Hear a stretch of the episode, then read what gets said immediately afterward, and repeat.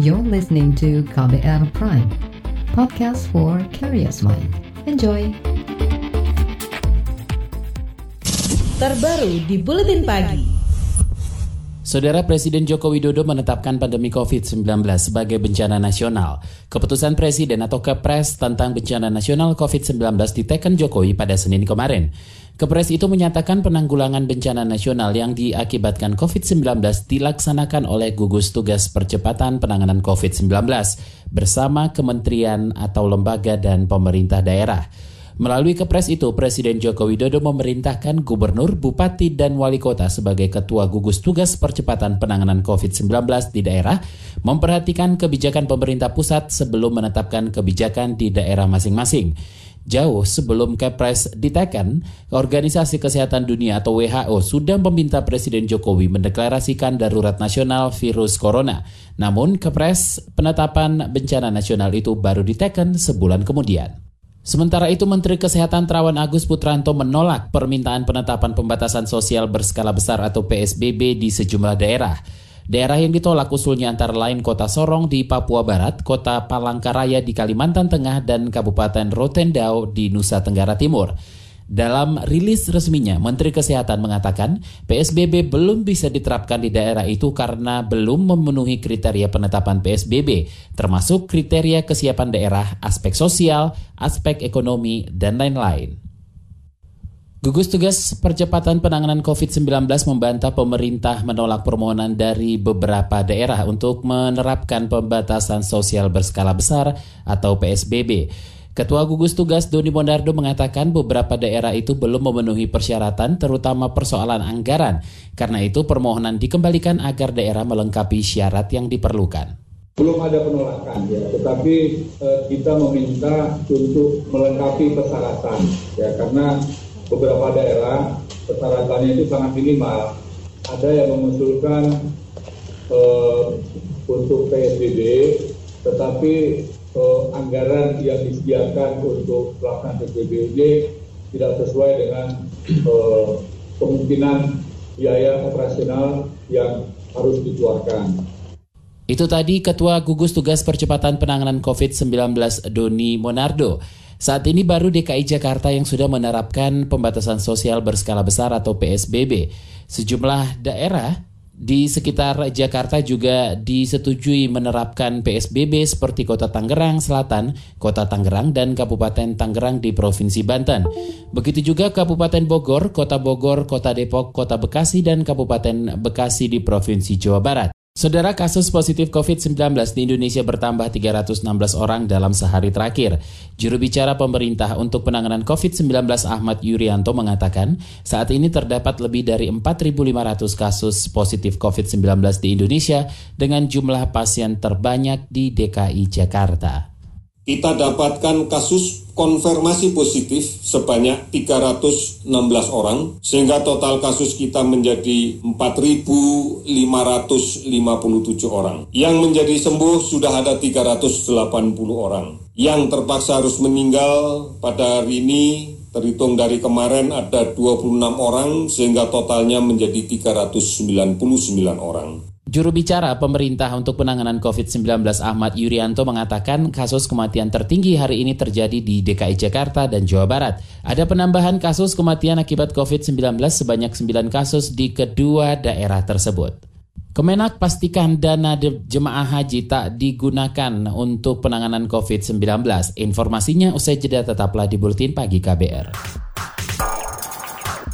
You're listening to KBR Pride, podcast for curious mind. Enjoy!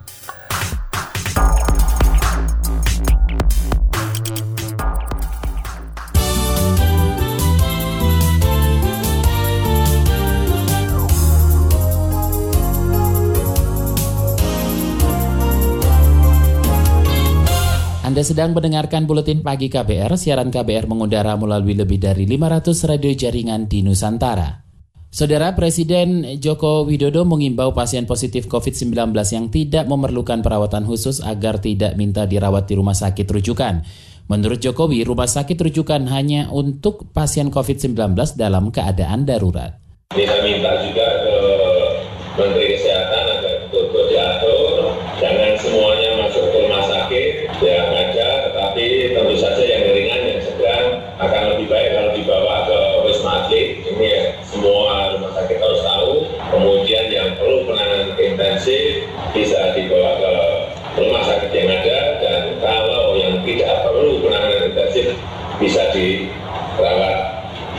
rumah dengan isolasi mandiri. Presiden Jokowi juga mengimbau agar masyarakat aktif memanfaatkan pelayanan medis melalui pelayanan jarak jauh agar tidak mengantri dan menimbulkan risiko penularan. Gugus Tugas Percepatan Penanganan COVID-19 memperkirakan puncak pandemi COVID-19 di Indonesia bakal terjadi 5 hingga 6 minggu mendatang atau pada pertengahan Mei. Ketua Gugus Tugas Pemerintah Doni Monardo mengatakan guna menghadapi puncak pandemi itu, pemerintah menambah alat tes PCR untuk meningkatkan kapasitas pemeriksaan menyangkut masalah uh, eh, PCR dan juga kemudian BUMN telah mendapatkan uh, uh, 18 unit alat tes PCR yang mana nanti bisa meningkat menjadi 8 ribu tes per hari. Nah, bagaimana dengan ketersediaan reagen, apakah sudah mendukung dan bagaimana upaya peningkatan lainnya. Uh, ini memang perlu kita upayakan secara maksimal karena masa puncak untuk di negara kita diprediksikan akan terjadi pada 5 atau 6 minggu yang akan datang. Itu tadi Ketua Gugus Tugas Percepatan Penanganan COVID-19 Doni Monardo. Sebelumnya Kementerian Badan Usaha Milik Negara atau BUMN mendatangkan 20 alat tes PCR untuk mendeteksi virus corona dari luar negeri. Alat itu diharapkan bisa memeriksa 10.000 spesimen dalam sehari, sehingga tiap bulan Indonesia akan mampu memeriksa sampai 300.000 spesimen terkait virus corona. Federasi Buruh Lintas Pabrik atau FBLP menyesalkan banyak pengusaha yang mengambil kebijakan sepihak tak membayar upah pekerjanya saat dirumahkan selama pandemi.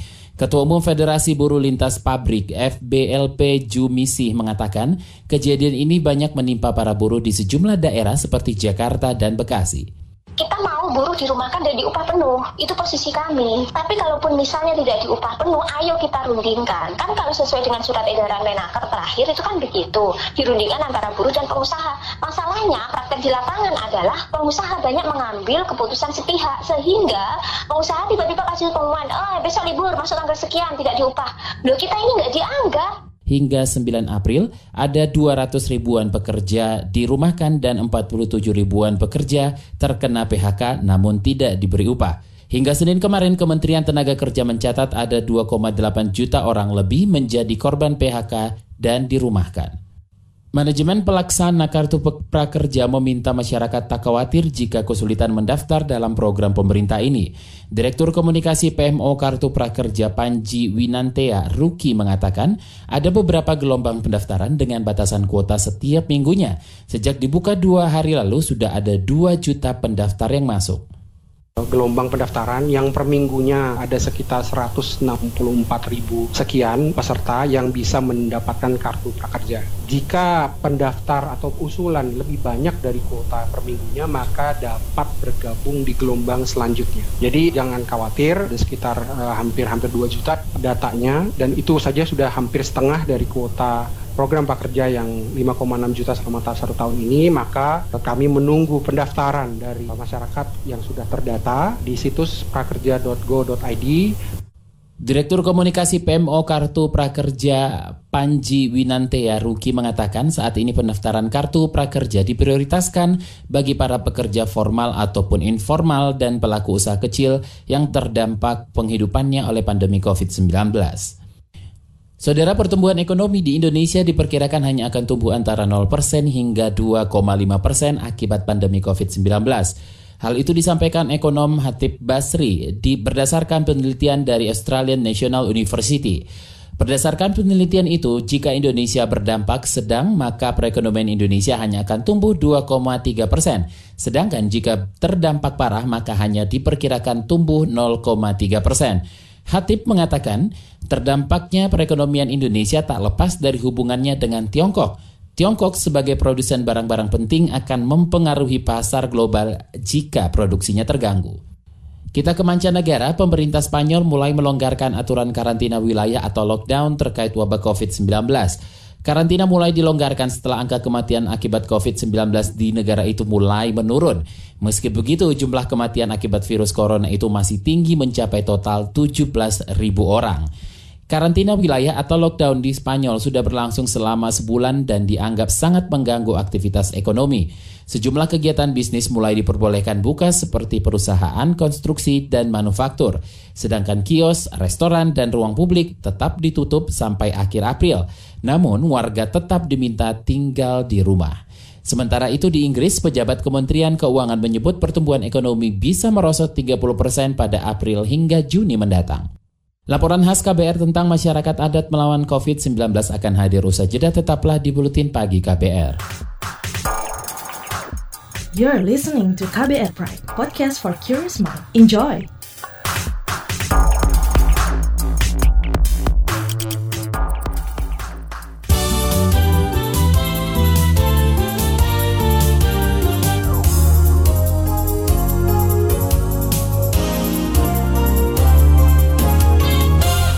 Anda masih mendengarkan buletin pagi saatnya kita simak laporan khas KBR. Saudara pandemi COVID-19 mengancam hampir seluruh warga dan kelompok masyarakat, tak terkecuali komunitas adat yang mayoritas berada jauh dari perkotaan dan sulit dijangkau. Namun banyak dari mereka yang justru lebih siap menghadapi wabah ketimbang warga urban. Berbekal tradisi dan kearifan lokal, masyarakat adat tampak lebih tenang dan siap mengarungi masa krisis. Berikut ulasan yang disusun tim KBR dibacakan Reski Mesanto. Kepanikan warga perkotaan terhadap ancaman COVID-19 tampaknya tak menular ke masyarakat adat Banua Lemo yang berada di desa Bonelemo, Luwu, Sulawesi Selatan. Setidaknya, itulah yang bisa disimpulkan saat berbincang dengan Kepala Desa Bonelemo, Baso Gandang Sura. Menurutnya, antisipasi terhadap wabah sudah dilakukan sejak jauh hari. Sudah bergeraknya itu eh, akhir Februari, eh, sudah mulai melakukan sosialisasi, melakukan diskusi. Ya sekitar minggu kedua Maret kita sudah membentuk kelompok-kelompok untuk melakukan upaya-upaya pencegahan. Ya, upayanya itu, itu tadi sosialisasi dari rumah ke rumah, menyampaikan ke masyarakat bahwa ini ada seperti ini. Eh, kita masih bisa lebih apa tuh, lebih memungkinkan untuk selamat kalau kita bisa lebih sehat. Warga adat setempat tak kebingungan mencari cara mencegah penularan virus. Mereka memanfaatkan tradisi yang sudah turun-temurun tetapi relevan dengan kondisi pandemi, mulai dari membuat disinfektan dan bilik sterilisasi dengan menggunakan bahan-bahan alami. Nah, kita sudah mulai mengumpulkan itu dari cari ke hutan, anak muda kita suruh cari ke hutan, uh, daun siri karena yang kita pakai ini daun siri hutan. Mungkin lebih banyak antiseptiknya. Ya, masuk di pembuatan bilik sterilisasi. Setelah ini jadi kita uh, cari pengasapnya pakai yang pengabut walet. Itu semua kita Warga juga tidak khawatir bakal kelaparan selama masa pandemi. Mereka memiliki berbagai keahlian bercocok tanam yang sesuai dengan kebutuhan. Stok pangan mereka dipastikan aman selama berbulan-bulan ke depan. Ketenangan menghadapi pandemi juga ditunjukkan masyarakat adat Karuhun Urang Sunda Wiwitan di Cigugur, Kuningan, Jawa Barat. Meski tenang, mereka tetap waspada seiring tingginya resiko penularan. Apalagi banyak warga dari wilayah zona merah mudik ke kampung-kampung terdekat. Tokoh adat atau Girang Pangaping Sunda Wiwitan, Oki Satrio mengatakan, para sesepuh kini saban hari menabuh gamelan sebagai cara melawan serangan virus. Frekuensi dari virus ini itu berisi kemarahan dan kesedihan. Kami sebagai orang adat harus menggeser supaya istilahnya kalau orang kota bilang apa, diruap dari tadinya marah dan sedih, marah dan sedih, kalau kita masuk dalam frekuensi itu, maka kita akan masuk dan kita lebih mudah terkena. Tapi kalau kita geser ke persoalan frekuensinya, mereka cinta pada kehidupan, cinta seorang ibu pada anaknya, kebahagiaan, itu mereka menjadi lemah. Masyarakat Sunda Wiwitan bahkan meniadakan perayaan panen raya tahun ini. Tradisi itu diganti dengan laku sunyi, yakni mengupas satu demi satu bulir padi. Ritual ini menunjukkan keprihatinan sekaligus sebagai doa untuk bangsa. Kalau kemarin ditunjuk lewat upacara seren tahun, seren tahun sekarang nggak ada. Kami kupas di tiap keluarga kami, setiap anggota keluarga kami menggunakan pakaian adat, tidak boleh bicara, konsentrasinya tiap hari pakai tangan. Harusnya Agustus. Jadi kami cicil berasnya itu satu-satu dikupas dengan jarian. Ya itu kan cara kami mendoakan kondisi bangsa. Sementara itu, masyarakat adat orang rimba di Jambi juga sudah memiliki tradisi semacam pembatasan sosial maupun pembatasan jarak. Menurut antropolog Komunitas Konservasi Indonesia, KKI Warsi Jambi, Robert Aritonang, sejak mengetahui ada wabah, orang rimba langsung masuk ke hutan dan memisahkan diri dalam kelompok-kelompok kecil. Mereka juga bakal memperlakukan langkah semacam isolasi mandiri jika ada anggotanya yang terserang penyakit. Tapi dalam bahasa orang rimba itu disebut besesandingon antara Becenenggo dengan orang Bungaron. Jadi orang Becenenggo adalah orang yang dikhawatirkan kena penyakit atau bawa penyakit, sedangkan orang Bungaron adalah dianggap sehat atau belum terkena penyakit. Jadi besesandingon berarti menjauhkan diri dari kelompok yang sakit dan dengan kelompok yang sehat. Dan itu memang benar-benar dilakukan sangat disiplin. Meski memiliki tradisi pencegahan penyakit, orang rimba tetap butuh diberi edukasi tentang cara penularan COVID. Pasalnya, banyak orang dari luar yang kadang bersinggungan dengan mereka. Di sisi lain, ada separuh orang rimba yang hidup di lahan konsesi perusahaan. Kelompok ini terancam kelaparan di masa pandemi karena tidak bisa mengandalkan hasil alam. Yang di dalam hutan itu 2.500-an, Ya, kalau itu saya pikir mereka akan bisa bertahan hidup. Tapi yang 50% yang tinggal di konsesi itu saya nggak yakin mereka itu mampu nanti bertahan kalau COVID ini akan berlangsung dalam waktu yang cukup lama. Sangat membutuhkan bantuan darurat, terutama dari pemerintah, tapi bisa juga dari perusahaan yang memiliki konsesi di mana wilayah mereka hidup dulu di tempat itu. Demikian laporan yang disusun tim KBR, saya, Reski Mesanto. Informasi dari daerah akan kami sajikan usai jeda tetaplah di Buletin Pagi KBR. You're listening to KBR Pride, podcast for curious mind. Enjoy!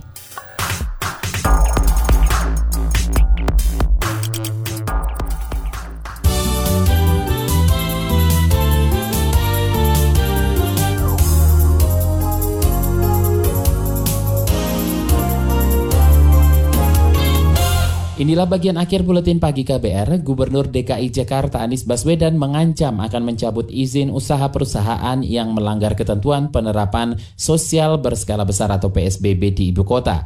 Ketentuan yang dimaksud yakni terkait pemberlakuan kerja dari rumah atau KDR bagi perusahaan di luar sektor yang dikecualikan. Sektor-sektor yang dikecualikan yakni kesehatan, energi, bahan pangan, komunikasi dan teknologi informasi, keuangan, logistik, perhotelan, konstruksi, industri strategis, pelayanan dasar, serta kebutuhan sehari-hari.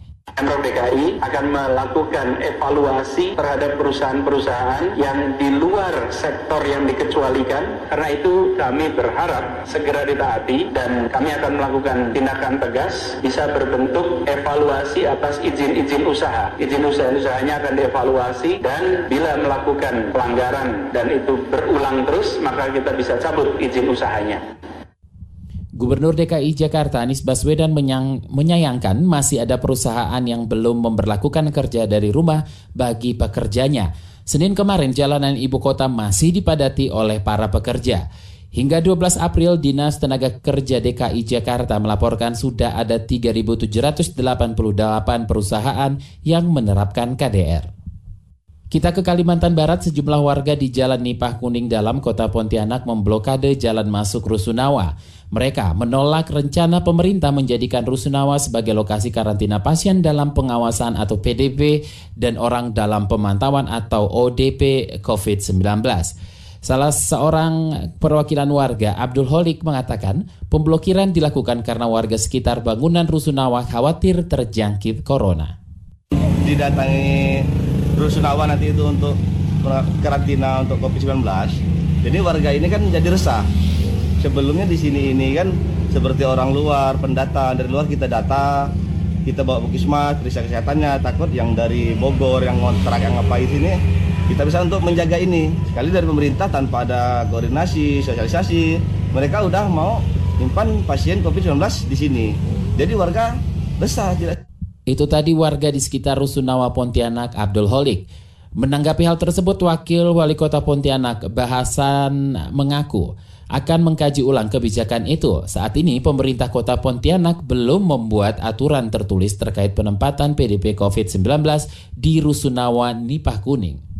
Di tengah merebaknya wabah virus COVID-19, petani di Desa Punden, Rejo Pati, Jawa Tengah harus berjuang mempertahankan lahan pertanian dari perampasan lahan yang dilakukan oleh PT Lajur Perdana Indah atau LPI. Menurut pendampingan warga dari LBH Semarang, Niko Wauran, tanah seluas 7 hektar itu sudah dikelola sebagai lahan pertanian oleh warga sejak 20 tahun lalu petani Punden Tejo di mana sejak tanggal 16 Maret sampai hari ini PT Laju Perdana Indah itu pabrik tebu mulai merampas dan merusak tanah yang telah dikelola warga sejak tahun 2000 di mana ada 86 eh, KK yang mengelola tanah tersebut. Namun sekarang hampir sekitar 25 lahan dirampas oleh PT LPI Pendamping warga dari LBH Semarang Niko Wauran menyebut para petani bercocok tanam di lahan itu karena tanah itu merupakan tanah terlantar yang seharusnya dikembalikan ke negara dan digunakan sebesar-besarnya untuk kemakmuran rakyat.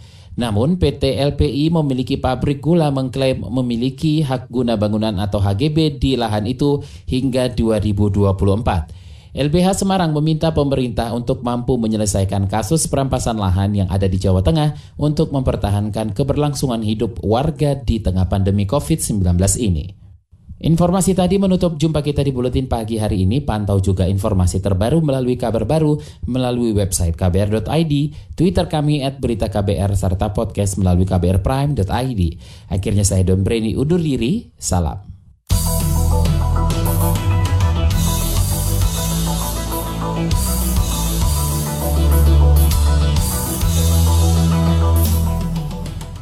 KBR Prime, cara asik mendengar berita. KBR Prime, podcast for curious mind.